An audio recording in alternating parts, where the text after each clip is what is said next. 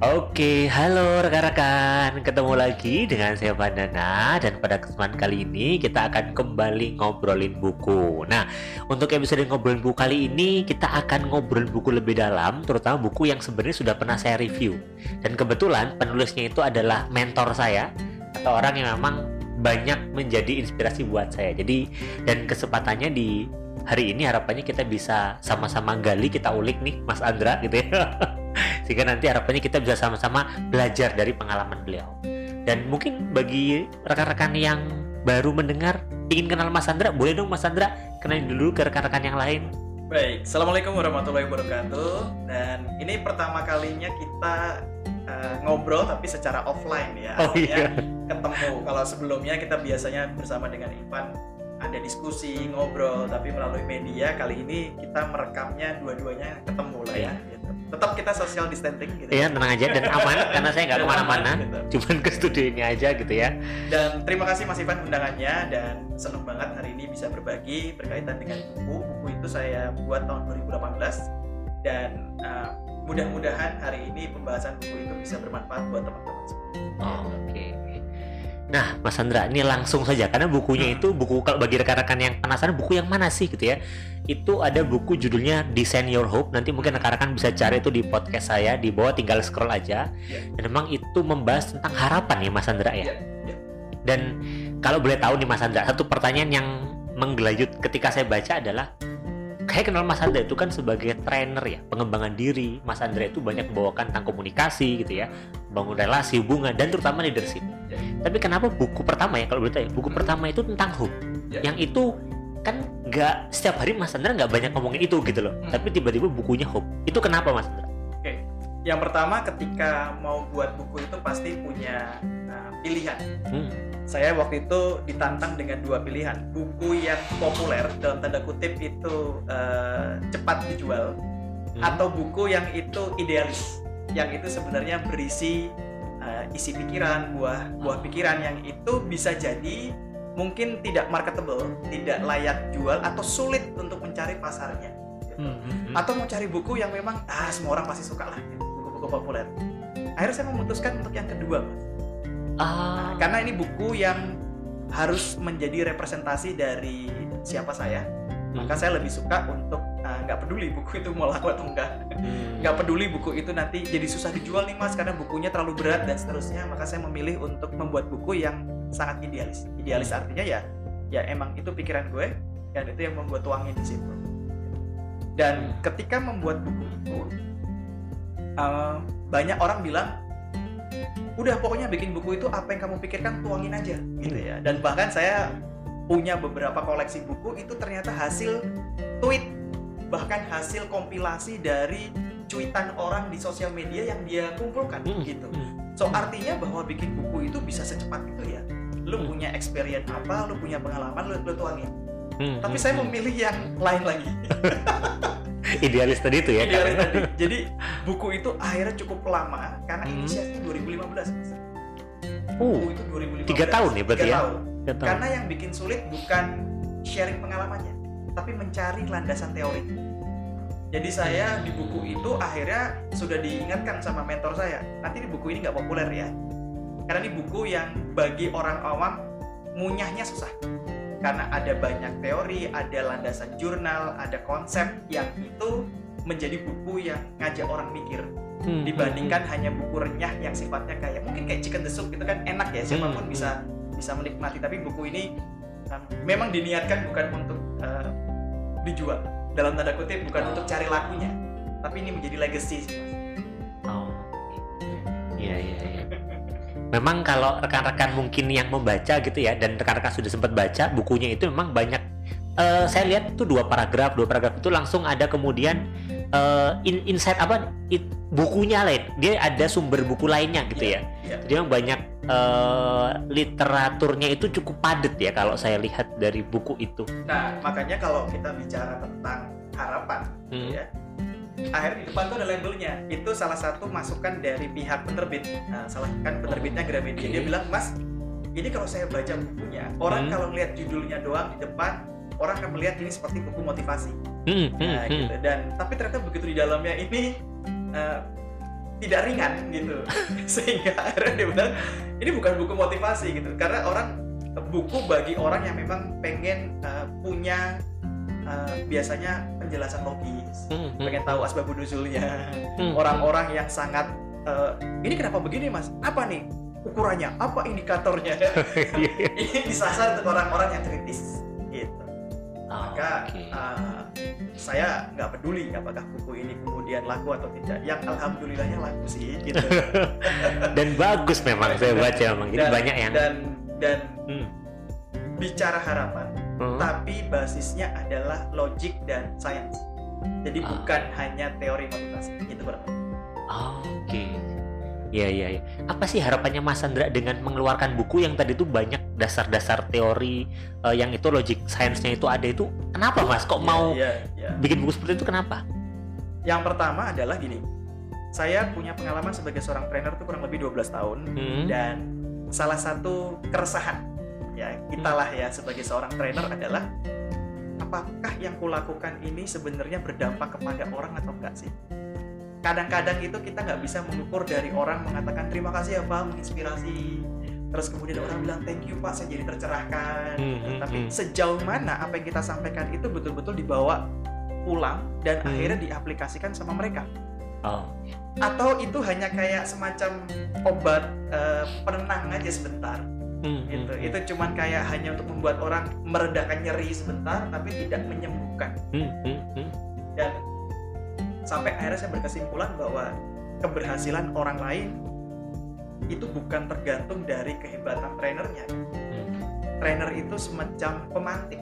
Hmm. tapi ujung-ujungnya ya lo sendiri yang harus uh, do the action. Lo sendiri yang harus mengaplikasikan dan lo yang akan bertanggung jawab terhadap resultnya hmm. makanya kan kadang-kadang kegelisahan para trainer itu adalah bisa nggak mas menjamin dengan training ini karyawan saya berubah menjamin itu pertanyaan yang sering banget ditanyakan dan menjadi dilema buat kita kan oh. karena keberhasilan dari perubahan itu tidak ditentukan oleh trainernya hmm, hmm, hmm. tapi karena kita penyedia layanan itu seolah-olah ya kan gue beli barang dari lu ibaratnya gitu hmm, ya gue hmm, mau hmm. hasilnya sesuai dengan beda kalau kita beli barang fisik Hmm. Uh, saya menjanjikan bahwa ini durability-nya bagus, fiturnya bagus gini-gini dan lu pakai lu sesuai, lu, lu bisa puas. Tapi bagaimana kalau kita bicara tentang transfer knowledge, hmm. ilmu? Sejauh mana bahwa orang itu akan mengaplikasikan? Dari mana kita tahu bahwa kita punya kontribusi terhadap itu? Hmm. Dan membuat saya sempat beberapa tahun jadi galau jadi seorang trainer. Karena kenapa mas? Galau ya, nah, jangan-jangan cuma jago ngomong. Padahal sebenarnya apa yang lo lakuin nggak berdampak. Cuman manis di mulut. Bahkan sekarang ada istilah penjual ludah tadi kan. Hmm, hmm, hmm, hmm. Dan itu membuat saya akhirnya punya obsesi bahwa saya pengen tahu kenapa sih orang butuh trainer sampai saya akhirnya punya keinginan bahwa hmm. someday hmm. orang kalau bisa nggak usah butuh motivator uh. makanya di buku itu di cover ditulis bahwa adalah motivator bagi diri anda sendiri hmm. Hmm. nah harapan adalah berdasarkan experience dan eksplorasi yang saya temukan bisa membantu orang untuk menghidupkan motivasi dalam dirinya yang source-nya itu lebih lebih kuat dibandingkan menghadirkan trainer berkelas hmm. begitu sehingga gue merasa someday gue nggak perlu jadi menjalankan peran gue lagi uh-huh. karena saya berharap manusia-manusia khususnya SDM di Indonesia bisa dan mampu untuk memotivasi dirinya sendiri yang datangnya dari dalam hmm. bukan harus di ayo kamu bisa yang datang dari luar gitu itu salah satu kegelisahan Oke, okay. nggak takut mas? Nanti misalkan semua bisa motivasi diri sendiri, ya kita jadinya profesi trainer atau motivator tuh jadi hilang dong. Nggak ada khawatiran seperti itu mas? Justru malah nggak akan khawatir. Artinya gue berhasil dong. Oh. Ketika peran motivator sudah nggak diperlukan, hmm. berarti legacy yang ingin kita sampaikan berhasil. Hmm. Dan saya percaya pasti akan ada profesi lain yang yang saat itu akan dibutuhkan dan seperti itu. Seperti yang saya suka dari kalimatnya Deddy Kobusier hmm. ketika dia jago di satu hal hmm. dia malah memilih berhenti kan oh. dulu dia disulap udah jago banget udah udah legend tapi dia kenapa memilih berhenti karena dia ingin men-challenge dirinya di bidang yang lain dan ketika lo masih berada di situ terus jangan-jangan memang belum makanya kalau memang ternyata profesi kita udah nggak dibutuhkan bagus bukan hmm dan saya percaya itu berarti legacy yang bisa kita tinggalkan justru hmm. waktunya bagi kita untuk move on keluar dari comfort zone yang sekarang hmm. lo cari profesi lain yang itu lebih challenging buat lo oh, seperti podcast ini salah satunya mas ya Mas Andra pernah kepikiran nggak tadi kan berbicara tentang ya bagus dong berarti nggak butuh profesi kita. Mas Andra bisa membayangkan nggak saat ini kalau Mas Andra nggak jadi trainer, Mas Andra itu jadi apa sih? Yang yang pertama trainer itu cuma medianya mas. Oh, okay. Itu cuma profesi, itu cuma atribut yang saat ini dilekatkan hmm, hmm. karena situasi dan kondisinya masih membutuhkan itu. Hmm, hmm. Ya, contoh sekarang misalnya jadi trainer gitu. Dulu orang kalau jadi trainer ya seperti layaknya guru datang di sebuah pertemuan kelas ada papan tulis hmm. gurunya hmm. ada di depan siswanya hmm. Hmm. tapi bahkan sekarang kita sudah bisa membuktikan bahwa belajar tidak harus dengan cara seperti itu yeah. ada podcast ada YouTube ada e-learning yang ternyata tidak harus kehadiran trainer itu mewujud menjadi sebuah kayak orang yang mengajar hmm. maka yang saya percaya ke depan mungkin medianya berubah modelnya berubah bentuknya berubah tapi tetap inspirasi itu uh, lifetime. Jadi saya tetap akan bisa menjadi orang yang uh, sesuai dengan visi saya, yaitu memberikan manfaat, tapi cuma nanti bentuknya aja kok yang berubah. Tapi tetap pasti dibutuhkan. Hanya saya belum tahu nanti apakah dalam bentuk ntar gue di satelit, gue di Mars, tiba-tiba Elon Musk udah bisa membawa kita ke, ke Mars, Mars ya, ya kan? ternyata di Mars ada teknologi yang berbeda, iya. kan gue nggak tahu. Tapi tetap inspiration itu akan menjadi uh, long lifetime. Hmm. Ini kalau ngomongin Elon Musk juga menarik banget ketika kemarin kan baru aja raket yeah. yang kedua kan meledak dan dia malah nge-tweet itu bukan kegagalan. Yeah. Itu keberhasilan menurut dia gitu. Ya seperti ketika dia ngeluarin yang truknya itu kan yang kacanya pecah. ya kan? Di panggung dipukul, dipukul malah pecah, pecah gitu. Dan dia santai aja. Ya ya memang memang inovator harus begitu dia dia akan sangat santai sekali justru malah di situ dia mendapatkan feedback hmm, hmm. dia jadi tahu berarti uh, what should I do next gitu. hmm. Nah, tapi bagi orang-orang yang kemudian tidak berpikir kreatif malah itu akan menjadikan sebagai waduh berarti gue gagal berarti gue hmm. salah berarti gue malu dan hmm, seterusnya hmm. dan itulah yang membuat Elon Musk bisa seperti sekarang kan hmm. ya benar banget sih Mas Andra ini kan kita udah hampir setahun lebih ya uh, dalam kondisi pandemi ya. ya kita saat ini dalam kondisi yang ya mungkin bagi sebagian orang berat gitu kan ya bagaimana Mas Andra melihat itu kaitnya dengan terutama karena bukunya Mas Andra tentang mendesain hope. Hmm. Apa sih yang sebenarnya harus dilakukan? Karena kan kita udah setahun nih hmm. pandemi. Di tahun 2021 apa sih yang perlu kita lakukan dari diri kita kaitnya dengan hmm. desain hope itu atau bagaimana tentang harapan kita? Ya. Salah satu berkah dari pandemi adalah desain your hope menjadi salah satu yang relevan. Iya.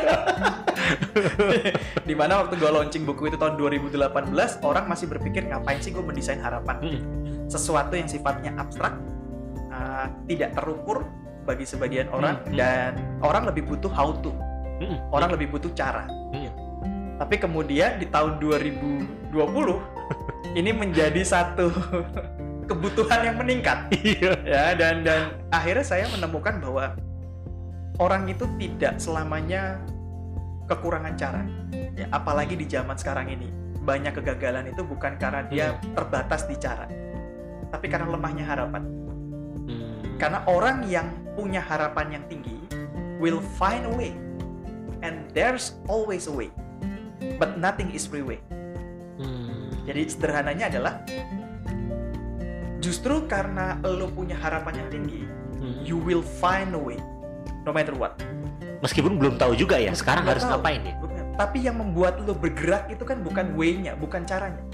Tapi karena lo punya harapan yang sangat kuat, lo akan mau untuk terobos sana terobos ini nyoba ini nyoba ini gagal bangkit lagi kayak Elon Musk lakukan hmm, hmm, hmm. itu karena dia pasti punya harapan Bener. dan harapan yang kuat itu yang menjadi source of energy yang itu akhirnya gue menyadari banyak orang mengatakan itu abstrak tapi ternyata gue menemukan ada teori ada konsep ada penelitian ada jurnal ada pengukurannya mas hmm, dan itu yang membuat gue makin tertarik dengan belajar tentang harapan gitu.